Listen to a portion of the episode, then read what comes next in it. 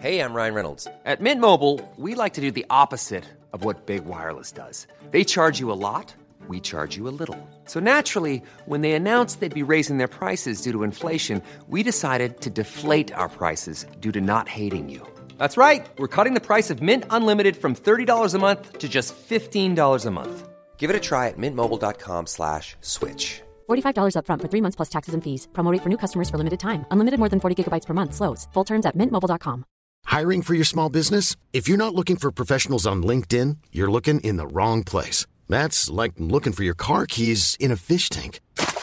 LinkedIn helps you hire professionals you can't find anywhere else, even those who aren't actively searching for a new job but might be open to the perfect role. In a given month, over 70% of LinkedIn users don't even visit other leading job sites. So start looking in the right place. With LinkedIn, you can hire professionals like a professional. Post your free job on linkedin.com slash people today.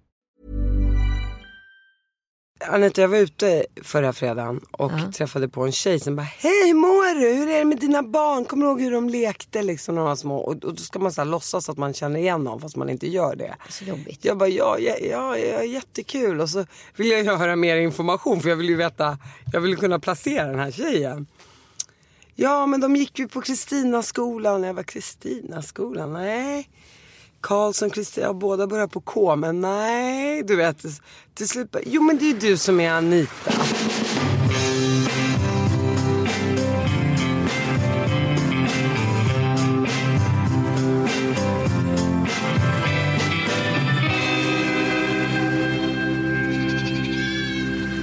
Så här, är alltså så att eh, Bettina är min eh, tvilling. Your, your soulmate. ja, exakt, min soulmate. Vi, vi är lika gamla och vi är inte släkt, men vi är väldigt lika. Vi är väldigt lika, vi kommer inte ens från samma länder du och jag. Nej, vilket är jättekonstigt. I och för sig har inte jag gjort min DNA-research, jag kanske ska göra det. Nej, du hittades ju trots allt i en korg så man vet ju inte You vem, never know. vem som flög dit med den. Från Palestina. Från Syrien, Palestina. Säg, säger du att du är från Syrien eller säger du att du är från Palestina? Jag säger att jag är palestinier från Syrien. Du gör det? Ja. Mm. För min pappa är född i Palestina och man har vuxit upp med att höra du är palestinier, du är palestinier, du är palestinier. Har du blivit matad med någonting tillräckligt länge då är man ju det. Ja, ja, ja, visst. Men jag är ju född i Damaskus och jag åkte dit varje sommar så jag känner mig mer syrisk så att Ja. säga. Men det är klart jag brinner ju för det palestinska folket och sådär. Och, ja, brinner för mig själv med andra ord. Brinner för dig själv med andra ord. Men vad kul att du är här. Tack snälla, kul att jag får komma och ersätta Ann idag. Ja, du är vikarie. Det tycker jag är spännande. Ja, Mycket jag gillar att vara vikarie. Jag kan säga så här, om det är någon som förtjänar semester så är det Ann Söderlund. Så hon ska vara så lycklig och glad och bara känna att hon ska omfamna där hon befinner sig just nu. Vårt ämne idag som vi ska prata om är ju att bli mamma efter 40. Eh, och du har precis läst att Charlotte Perrelli, 43 år, ska bli fjärde gångens barns mamma. Fyrbarnsmamman. Fyrbarnsmamma kan man också säga. Perrelli. Det går också bra. Fantastiskt tycker jag. Otroligt. Gud vad kul. Jättekul för henne. Hoppas hon får en dotter. Men vi pratade lite om det här med liksom, eh, nya familjen och fertilitet. Du lever ju med en man som är mycket äldre. Och jag lever med en man som är mycket yngre. Tycker du? Kanske lite äldre. Han är, han är bara 35 år äldre. Ja, det är bra. Bra jobbat. Hej Aje. ja, ja. Eh, och jag lever med en som är 11 år yngre. Och eh, i vårt fall så är det ju så här att eh, det står barn på agendan. Liksom. Sen vet man ju inte om det går eller inte. Det har man ingen aning om. Men man får ju hoppas att det går. Jag tror så här rent eh, generellt så tror jag nog inte att man ska vänta för länge. Och jag tror så här, känner man att man är ihop med rätt kille, det vet man kanske aldrig. Men jag tror inte att man ska tänka för mycket. Utan känner man att det är rätt här och nu och man ändå börjar klättra mot 40, du fyller ju 40 nu i juli. Så tycker jag nog inte att man ska tänka så mycket utan man ska bara köra på. Så är det ju. Absolut. Och sen tror jag också så att många sätter alltid upp så här hinder för sig själva. Men gud orkar jag nu? Är jag inte för gammal? Och så tänker man så här år ut och år in och så helt plötsligt är man kanske 44-45 och då har det där tåget gått. Ja. Då är det bättre att bara köra på. Det ordnar sig, det löser sig.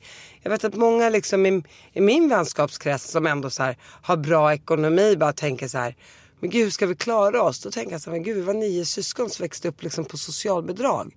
Man klarar sig. Ja. I Sverige klarar man sig. Det, finns, det är bra skolor, man får mat i skolan. Man får sin universitetsutbildning betalad. Alltså det går ju om man bara vill. Om man bara vill ja. Det det, det handlar om det är att ge barn trygghet och kärlek. Men vad hände med dig då Anita? Ska du inte ta och bli gravid? Knulla tänkte jag säga. Jaha, men så du bara... tänkte säga knulla. men jag sa det inte. Jag det var så spännande. Nej men jag kan nämligen ångra nästan att jag inte började producera barn mycket tidigare. För jag gjorde ju egentligen inte supermycket vettigheter mellan 20 och 30. Och de åren kan jag verkligen säga att jag hade inte gjort någonting ifall jag hade tryckt in ett eller två barn däremellan. Ja men då kanske du inte hade haft dina två barn nu.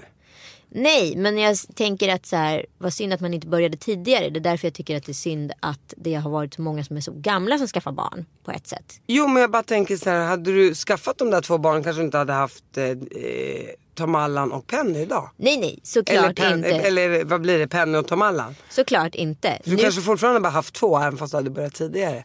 Det- Man ska inte egentligen hålla på och tänka som, vad många gör är så här, tänk om. Ja fast du kan inte vrida tillbaka klockan. Nej men om jag inte bara tänker utifrån mig och mitt perspektiv så kan man ju tänka att det kan vara en pepp för folk som är mellan 20 och 30 att så här inte rädas att skaffa barn tidigt och så här funkar inte relationen etc. Det är inte hela världen, det kommer lösa sig ändå. Förstår du? Jag vet inte om jag håller med dig där faktiskt. Jag tycker så här, många pluggar, många vill utbilda sig. Många annat att tänka på mellan 20 och 30. Jag kan tänka så här, börja inte mellan 38 och 45. Men fram till 30 tycker jag så här, då har man ju ändå tid på sig att fundera på vad man vill bli eller inte bli. Sen finns det absolut de som man känner också som, bu- som, som kanske gjorde en abort när man var 20-23 och sen när de försöker igen när de är 30-35 att det inte går. Precis. Men samtidigt, de är ganska få och där det är ju ödet också. Men så här som du säger, ja men funkar inte relation så funkar den inte. Nej men hur kul är det att vara ensamstående mamma med tre barn med tre olika fäder? Men grejen är, det kan man fixa under åren mellan 20 till 30. De jag upplever som skaffade barn tidigt, det här är min erfarenhet. De som skaffade barn tidigt och då har liksom kanske två pappor till sina barn. Eller Eh, tre eller fyra. Ja. Nej jag skojar. Nej men eh, de, vad heter det, de blir oftast, eh, får oftast väldigt fin relation med papporna. Även när barnen är lite äldre. Ehm, och då blir det också lättare för dem att kanske skaffa en bonustrea mellan, i åren mellan 30 till 40. Sen har jag några kompisar som inte har valde bort allt det där och ville köra liksom partylivet all in eller karriären all in. Och sen vid 41 börjar komma på tanken att så här, oj nu vill jag skaffa barn. Och då har det tagit liksom mellan liksom fyra till sex år innan barnen kommer. Nu har jag faktiskt två kompisar som båda är väldigt mycket 40 plus. Som båda är förstagångsföderskor. Jo men det är det jag säger. Mellan 20 och 30 är inte kritiskt. Jag tycker så här, och mellan 30 och 40 är inte heller jättekritiskt. Men börjar man i 40-årsåldern så, så, så klart så ökar ju riskerna med barn som har eh, mutationsproblem. Eh, Down syndrom vet jag ökar fyra gånger mer efter 35. Så det är klart riskerna med att inte få ett friskt barn ökar ju med åldern. Men så här, ja men nu skaffar jag barn när jag är 20 och skitsamma om förhållandet håller eller inte.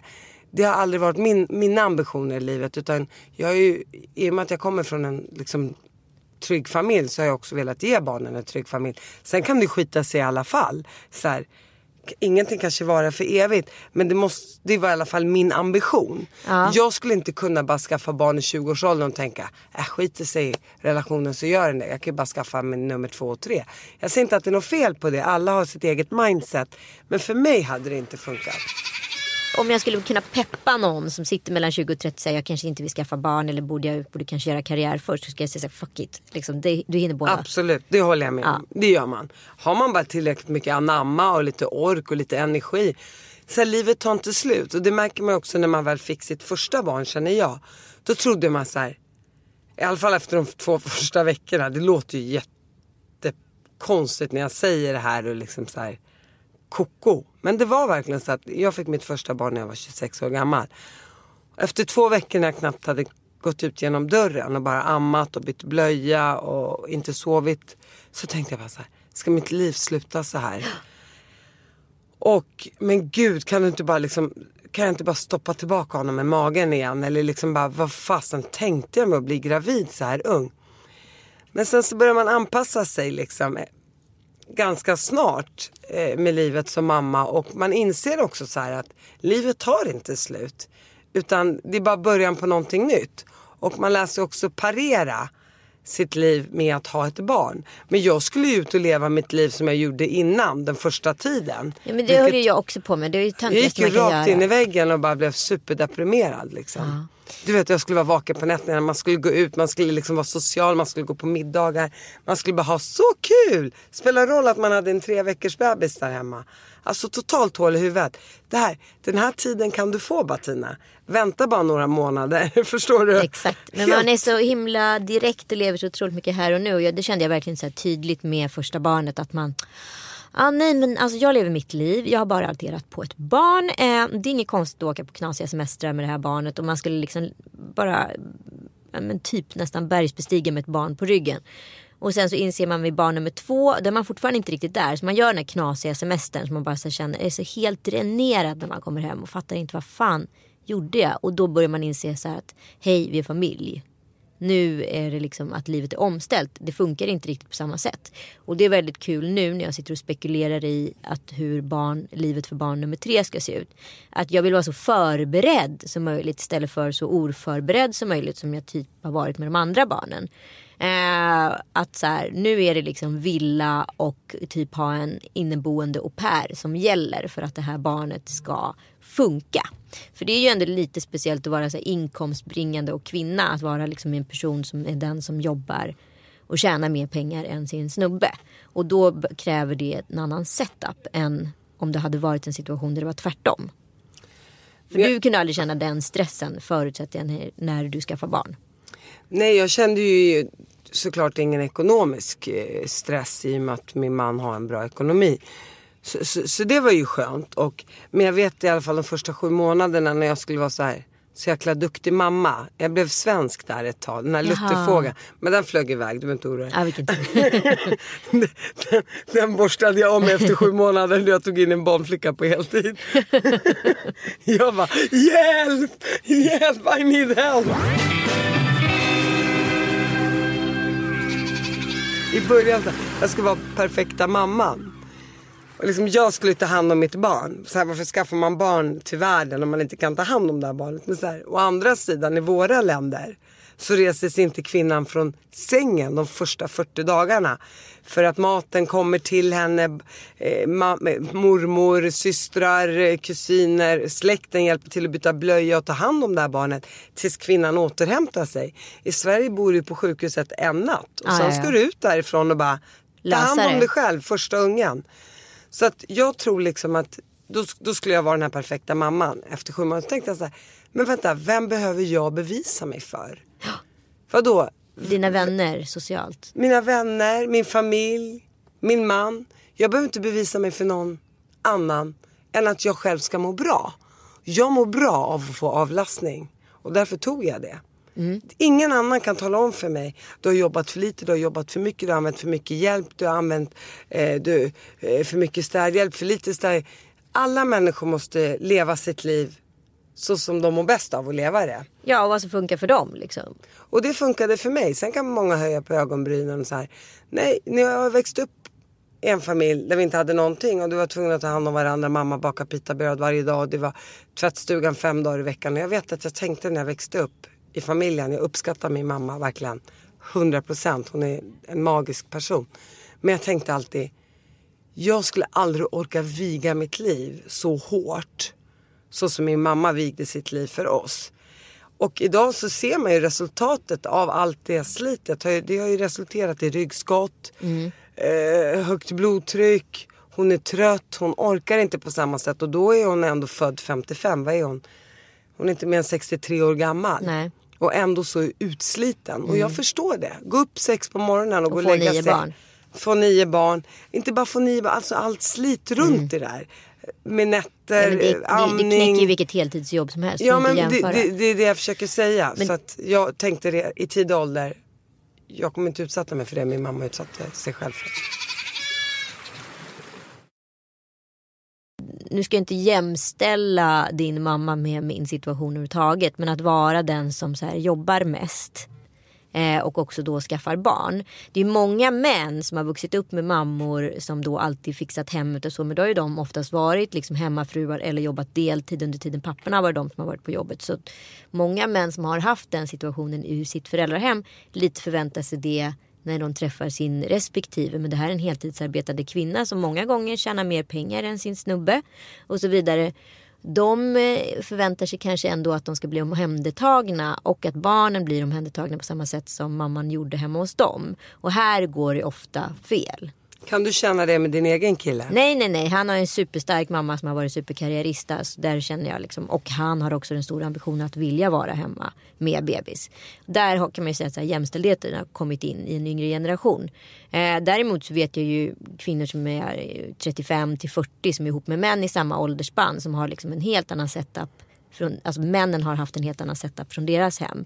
Och då träffar en kvinna som jobbar som advokat eller liksom högpresterande inom vilken yrkesgenre som helst. Och då förväntar sig ändå att hon ska vara den som tar hand lite om man och barn. Så att hon blir ju väldigt utsliten väldigt mycket fortare. Men då är det ju viktigt för den kvinnan att säga, vet du vad, hit men inte längre. Precis. Alla måste, så här, man kan, man kan skylla på männen, man kan anklaga vem som helst. Men återigen, man måste gå tillbaka till sig själv. Vad klarar jag av? Vad vill jag klara av? Vad står jag ut med? Och hur långt kan jag uppoffra mig själv? Och inom ramarna må bra. För så här, vem vill gå in i väggen? Jag tror det finns inget land som Sverige. De som tjänar bäst här är väl alla psykiatriker och alla psykologer. Tycker varenda liksom, kvinna bränner ut sig själv och inte varenda, nu överdriver jag, men det är många kvinnor som bränner ut sig själva just för att det här. jag ska minsann visa, jag kan ta hand om barnen och jag kan ta hand om mitt jobb och jag kan ta hand om tvätten och jag kan ta hand om det ena med det Det, det är luttefågeln återigen. För vem behöver du bevisa dig? Det är ingen som säger åt dig, slår dig med en pinne på handen och säger ni måste ta hand om barnen, ni får inte använda er av hjälp, ni behöver tvätta, städa, stryka och dessutom liksom ska ni vara glada och se snygga ut. Ja men och framförallt tror jag som en viktig grej innan man får barn. Eh, så här, hur ser du på det här föräldraskapet? Eller hur ser vi på eh, oss som föräldrar? Och vad förväntar vi oss av varandra? Fast, fast det där tycker jag är, vadå? Så här, hur jag såg på föräldraskapet innan jag fick barn. Det är klart man har ju visioner. Det ändras ju helt och ja, hållet. Men det är väl klart men det är väl bra att ha en idé. Så att man ja. har någon pratat om det. För det finns ju faktiskt de som kliver rakt in där. För det som händer när en man och en kvinna faktiskt får barn. Vilket man kanske inte upplever när man har åkt på x antal parsemestrar och bara gått ut ett par med dagar. Och bara varit härligt hela tiden. Det är ju att det blir en monumental skillnad i både så generation och eh, situation. Helt plötsligt utkristalliseras de här könsrollerna som kanske inte alls varit supertydliga innan. Och då blir det så här, jaha han är precis som hans farsa. Ja, det brukar ju gå. Ja, och det, det har du inte märkt innan. Man är ju påverkad av sin barndom och sin uppväxt såklart. Ja, men det har du inte märkt innan. För då har ni gjort saker tillsammans. När ni sa, jag bokade bilen och hon bokade flygbiljetten. Då är det inte så himla så här, det är ja, ingen men skillnad. Då får, man, då får man ju som kvinna säga, nu är du för lik din pappa. Kom tillbaka. Ja. Så får man väl på något sätt, man får väl förändra varandra. Ja, men så här, Funkar det inte i slutändan, ja då finns det bara en väg att gå kanske. Men jag tror man kan påverka varandra, man kan vara med och förändra varandra till det positiva också. Men man brukar ju säga det. Du vet inte vem du har varit gift med förrän du skiljer dig. Precis, så är det. Så är det lite grann. Jag tror ju att jag är lite man i förhållandet ibland. För att jag kan ibland så här, försöka komma undan med vissa grejer. Ja, gud ja. Hela tiden så här men vänta, tror ni att jag är eran slav? Eller så här, jag bara tänker på hur min mamma var. Jag, ser, jag, jag som kvinna ser mig själv i min pappa. Vilket, jag sitter inte och skryter nu, tro mig. Men jag, jag, jag, tror att det är ett personlighetsdrag också. Jag tycker det är många män som lagar mat och diskar och städar och fixar och donar. Där kvinnan faktiskt sitter på en pedestal också. Absolut, och den eh, aspekten finns ju verkligen i vår situation. Jag är ju en sån här mamma som inte tycker att det är svinkul med småbarn. Jag tycker inte att det är jättekul fram till tre år. Sen tycker jag att det blir skitroligt. Och där har jag en kille som så här älskar att leka med barn. Och just när man träffar en person som älskar att leka med barn och verkligen engagerar sig i leken och nästan är på samma nivå som sin fyraåring. Och du är David. Ja, du vet, och bara kör på liksom 180. Superman! Ja, och, och det är ju fantastiskt. Men då inser jag hur lite jag leker med mina barn. Fast vet du vad, alla människor är olika. Och det kan jag se också med Aje till exempel. Han älskar att fiska. Så mm. Jag hatar att fiska. Jag hatar allt som är stillsamt. Däremot gillar jag liksom så här gambla. Så vi sitter och spelar backgammon och schack, vilket Aje inte gillar. Så lite grann, sakerna man själv gillar att göra gillar man ju föra över på sina barn. Och där har jag haft lite tur med att han gillar fiska, jakten, naturen, plocka svamp. Medan för mig, gå i skogen helt tyst och plocka svamp. Det är ungefär som att sätta mig i liksom Men du spelar ju däremot bollsporterna med dina Ja. barn och liksom... ta- Ja, andra saker. Och jag tycker inte heller att småbarnsperioden är, är så givande. Jag tycker det är roligare nu när de börjar klättra mot 9, 11 och 14. Ja. För då kan man snacka med dem, man kan spela med dem, man kan skratta med dem, man, man märker att man har lite samma humor. De blir ens kompisar på ett annat sätt. Och jag brukar säga att de första tre åren är ju faktiskt en transportsträcka. Ja, men så är det ju. Men vissa är småbarnsföräldrar, jag ska amma, alla människor Fast är jag börjar, olika. tro, jag börjar på fullast allvar tro att det är en myt. Jag Att- tror inte att kvinnor idag eh, älskar småbarn lika mycket som kanske våra mammor tvingades att göra. För där fanns det en identitet i att gilla småbarn. Idag finns ju inte den identiteten. Sen är det klart att man, vi är liksom bortskämda storstadsbrackor liksom, med andra pri- privilegier och förutsättningar. Det, Men- där tror jag, det, det, det tror jag nog är det som är den st- största skillnaden. Vi har ett större socialt liv, vi jobbar, vi har annat som vi uppskattar och tycker är kul. Mm. Och då bara sitta med något sånt här litet gnällande barn som ska amma hela tiden. Man bara sitta så liksom dag ut och dag in i sex månader. Det är klart till slut känner man bara att man ruttnar på den situationen. Medan andra kanske finner fri, frid och lugn i det. Mm. Men det är klart, när det finns andra vad säger man, externa grejer. Eller när det finns saker utanför den här mammabubblan. Jag menar så som min mamma hon var ju mest hemma liksom och tog hand om barnen. Jo men det är klart, om man har nio barn så är det ett heltidsjobb och lite till. Men absolut, medan jag säger nej men vi ska ut och podda, jag ska träffa kompisar, vi ska ut och luncha, vi ska på fester, vi ska på semester utomlands. Det är klart, då finns ju annat som lockar. Då kanske det inte fanns det, det lockbetet på samma sätt. Nej, och då undrar jag, så jag tycker det är så spännande att prata om sånt här. Att, eh, hur klarar man då utav en sån situation utan att bli bitter? För det hade jag nog blivit. Fast du hade aldrig satt dig i den situationen. För du har så mycket mer att ge. Du Jo, vill jo. så mycket mer i ditt liv. Alla vill ju olika saker. Du är ju en väldigt strävande person. Så du, jag vet när du var med i min podd, jag var ju så här.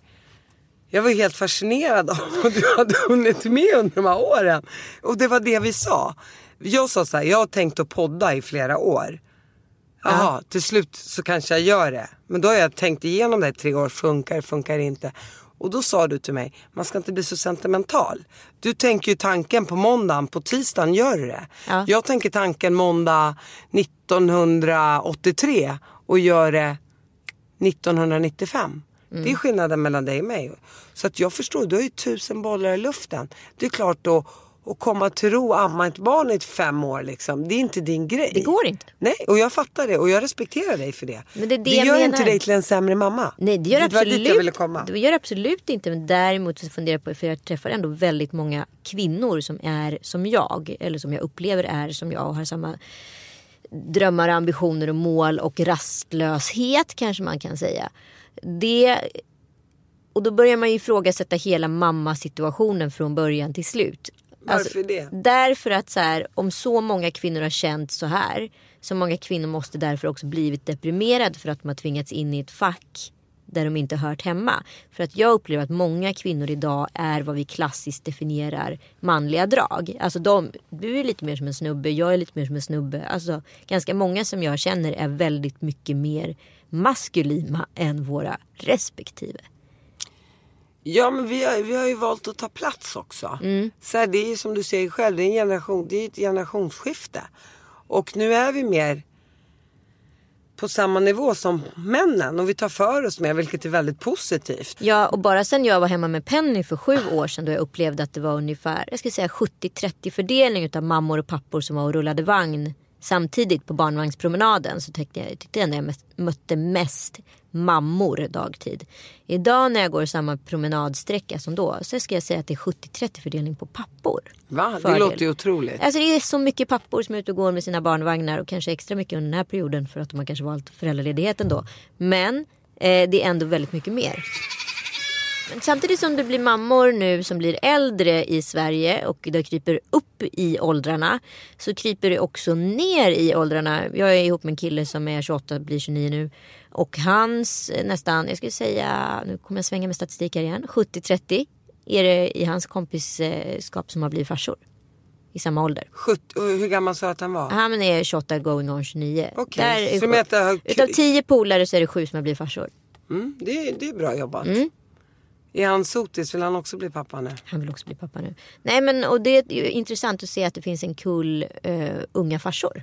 Ja, det är jättehäftigt. Och jag tror också så här. På riktigt, du har ju några länder i världen där, där faktiskt eh, populationen minskar. Eh, kanske inte Sverige, för här tar vi ändå emot väldigt mycket invandrare. Så att vi ökar ju hela tiden. Men om vi inte skulle göra det och bara gå till vad vi skaffar. Vad, vad skaffar vi? 1,8 barn i Mm, per familj. per familj Per i genomsnitt. Precis. Så, så, så kommer inte, så kommer inte bef- befolkningen liksom vara stor forever. Man ser ju Finland går ju ner. Ja. Italien, jag tror de skaffar färre än ett barn i genomsnitt. Färre än ett barn i Italien. Ja. Man, eller om det är 1,2 då. Men det är färre än i Sverige. Vilket man inte tror för man tänker att det är ett medelhavsland där man skaffar många barn. Mm, vad spännande. Ja, men, men, men nu åter till din pojkvän här. Vad, vad känner du då? För du blir 40 nu i, i juli. Ja. Och han vill ha barn. Ja. Och du har ju inte liksom 10 år att tänka på saken. Så Nej. vad tänker du göra åt det? Nej men det, alltså, det har verkligen varit en, eh, Jag vill veta nu. det är en lång, har varit en lång och utmattande process. Du vet vad jag har tyckt. Ja, jag vet vad du tycker. Och, eh, men nu har jag då efter mycket om och men beslutat mig för att faktiskt skaffa barn. Wow. Men sen vet man ju inte om det kommer gå. För att det som jag, om jag hade sagt så här, nej jag vill inte skaffa barn. Då hade ju det tidsbestämt vår relation. Eh, på ett sätt. Och eh, då får man ju välja om det är ett ställningstagande att ta. Att det kanske bara ska vara en eh, fem sexårig relation och sen så är det tack och hej. Eller så får man lösa det på något annat praktiskt sätt. Det vet jag inte. Men att så här, förbjuda någon den möjligheten är ganska hårt. Samtidigt så är det ju möjligt att det inte går just ur praktiskt hänseende i och med att jag är lite äldre. Så att det kanske inte blir några barn men då får man ta den diskussionen sen. Men försöker du bli gravid då? Jag ska försöka ganska snart, ja. Men så här, jag tror bara så här att alla tänker för mycket. Och kommer det vara vi forever? Kommer det ta slut om fem sex år? Måste man tänka så mycket? Man lever ju här och nu. Vad vet vi vad som har hänt med våra liv om 10-15 år? Jag tror folk tänker för, så här, fånga dagen. Jag tror det, det är så många som har närmat sig 50 som är över 50 år som säger till mig, det vi inte ångrade när vi var yngre, det var att vi inte fångade dagen. Ja. Så att du sitter på en solsemester på sommaren och tänker på vad du ska göra till julafton. Sitter på julafton och tänker på vad du ska göra våren efter. Så är det ju. Ja, vilket är så fel egentligen. Och det ser jag alla också som jag har träffat på som har varit sjuka och blivit friska. Man fångar dagen. Så, så här, tänk, tänk inte med Joel, kommer det hålla, kommer inte att hålla, vad händer om fem sex år? Utan jag lever här och nu. Skulle du kunna tänka dig att skaffa ett barn till? Eh, I teorin, ja. Men nu är jag ju tillsammans med en så mycket äldre man. Ja. Så att det är inte schysst mot barnet. Han var nästan redan för gammal när vi skaffade de första barnen. Men, men jag är ju ung och sådär. Och, sen kan jag tycka så här när folk säger så här, men gud de har en gammal pappa. Men då försvarar jag alltid med att de är ändå 9, 11 och 14 år. Och han har verkligen gett dem kvalitetstid och otroligt mycket kärlek och trygghet. Och Aje idag var då 75 år gammal. Ja. Om 10 år är han 85. Och då är våra barn vuxna. Ja. Och förhoppningsvis liksom kunna flyga ur boet med enormt mycket trygghet och kärlek i sina kroppar. Men skulle jag börja om nu. Då är han 85 när barnet är 10. Och där tycker jag själv, där är min egen gräns nådd. Ja. Men i teorin, ja, jag skulle kunna tänka mig två, tre barn till. För att jag säger som min mamma, det är min trygghet. Barnen är en trygghet för mig också. Det, är- jag vet ju så här, eller jag vet, de flesta borde veta att vad som än händer i ens liv så har man sina barn. De sviker en inte på det sättet. Nej det som- kommer ju inte stå några liksom, eh, börsnoterade vdar vid din dödsbädd och tackar dig för en lång och trogen tjänst. Det, det kommer inte Nej, ske. det är ens barn. Det är liksom Det är lite grann, det är inte alltid så att blod är tjockare än vatten men oftast är det ju så. Så det. Men du har ju, du har en annan typ av hotbild. Alltså jag tycker jag, det så här, jag kan ju få så här paniktankar när jag tänker att jag kommer vara så här 81 när Joel är 70. För då är det ju verkligen stor åldersskillnad. Tvärtom liksom. Eh, men du har ju faktiskt en, du löper en helt annan risk. Att, din, att du riskerar att bli änka relativt ung. Och att dina barn riskerar att bli faderlösa i tidigt vuxenliv. Ja men det var det jag menade med när du frågade mig om jag skulle kunna tänka mig att skaffa ett till barn. Ja. Jag tänker så här, man är ändå får leva i i alla fall 15 år. Ja. Och då tänker jag framförallt på barnen. Ja. Ja då är ju Axel, vadå snart 30 år gammal. Ja. Och de andra är 27. De är ändå vuxna människor och har flugit ut ur sitt bo. Mm. Och då får man tänka på så här. Då får man tänka kvalitet. Då har de fått 28-30 år med en pappa som har gett dem otroligt mycket kärlek och trygghet. Och har varit en vägvisare i deras liv. Det finns ju jättemånga barn vars föräldrar kanske har dött i bilolyckor eller i cancer eller vad som helst. Man kan inte, jag tänker inte så. Nej, love is love. Alltså det är ju vad det är. Ja, framförallt jag tänker här och nu. Och, och jag tänker att de har en bra pappa. Ja. Och förhoppningsvis en bra mamma. Och att vi gör det bästa för dem så länge vi kan. Jag menar jag kan ju... liksom- Men kan inte du få så panik när du tänker på att han ska potentiellt gå bort? Nej, för jag tänker att vi alla ska gå bort. Och jag tänker att jag kan insjukna imorgon i cancer. Jag är fatalist, jag tänker inte så. Men, men det är klart, jag ska inte skaffa barn med en 85-åring idag. Nej. För då tänker jag så här, "Ja, men det är 15 år, det blir för kort tid i ba- i barnets liv. Men å andra sidan, så här, alla gör vad de vill. Så länge det finns i alla fall en förälder kvar som kan ge trygghet och kärlek. Och nu är jag ju yngre och förhoppningsvis får jag leva lika länge som Aje får leva. Och det betyder ju att jag får leva längre i barnens liv. Men samtidigt så här, om jag nu inte gör det och han finns kvar tills de är 28-30. Så är det ju bättre det än om, om vi båda hade gått bort när barnen var fem och sju år gamla. Ja. Så för varje år vi båda får leva så är det ju positivt för barnen. Men man kan inte ta någonting för givet längre med tanke på vad som händer här i världen. Liksom. Så är det ju. Så är det ju. Eh, min mamma är ju gravt senildement och sitter just nu på hem. Och min pappa är begynnande senildement. Eh, och de har ju liksom inte varit med i matchen för mig de senaste åtta åren. Så för mig är det ju på, per definition att ha förlorat två föräldrar redan. Även om de är i livet. Så jag förstår vad du menar. Om man är ganska färdig som vuxen runt 30. Sen är det ju klart det är en annan typ av sorg. Men jag förstår vad du säger. Så där blir det väldigt spännande. Men eh, den teorin funkar. Men skulle du kunna tänka dig. Kan du ens. Har du fantiserat med att du ska starta om? Eller vad tror du händer efter? efter? Men jag, jag tror alla kvinnor som börjar klättra mot 40 som både du och jag gör.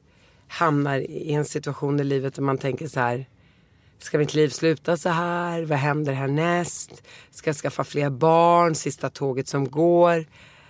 Eh, innan man har hunnit förlika sig med tanken. Såklart, det är ju alla de här existentiella frågorna som, som, som dyker upp i huvudet. Och jag tror så här, det är ju konstigt om det inte gör det. Nej. Så att frågorna finns, men svaren finns inte riktigt. Utan som det ser ut nu så kommer det inte bli fler barn. Nej. Tusen tack Bettina för att du kom. Det var ett supervick måste jag säga. Spännande samtal. Tack snälla. Det är så härligt att få prata med dig Anita. Du är alltid så himla härlig och har så många ord eh, på tungan. Liksom. Du är så otroligt verbal och härlig. I love you, det vet du. Men I love you too. Ha Tack. en fin sommar. Puss på dig, detsamma. verkligen.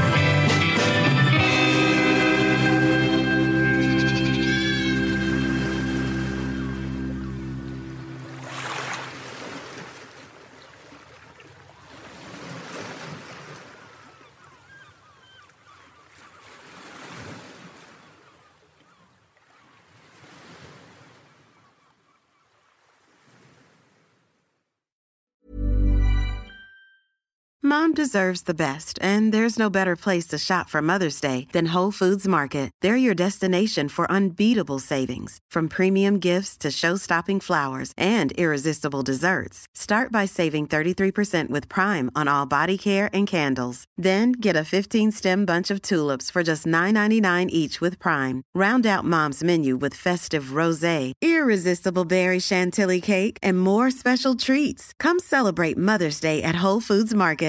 Imagine the softest sheets you've ever felt. Now imagine them getting even softer over time. That's what you'll feel with Bowl and Branch's organic cotton sheets. In a recent customer survey, 96% replied that Bowl and Branch sheets get softer with every wash. Start getting your best night's sleep in these sheets that get softer and softer for years to come. Try their sheets with a 30-night guarantee. Plus, get 15% off your first order at bowlandbranch.com. Code BUTTERY. Exclusions apply. See site for details.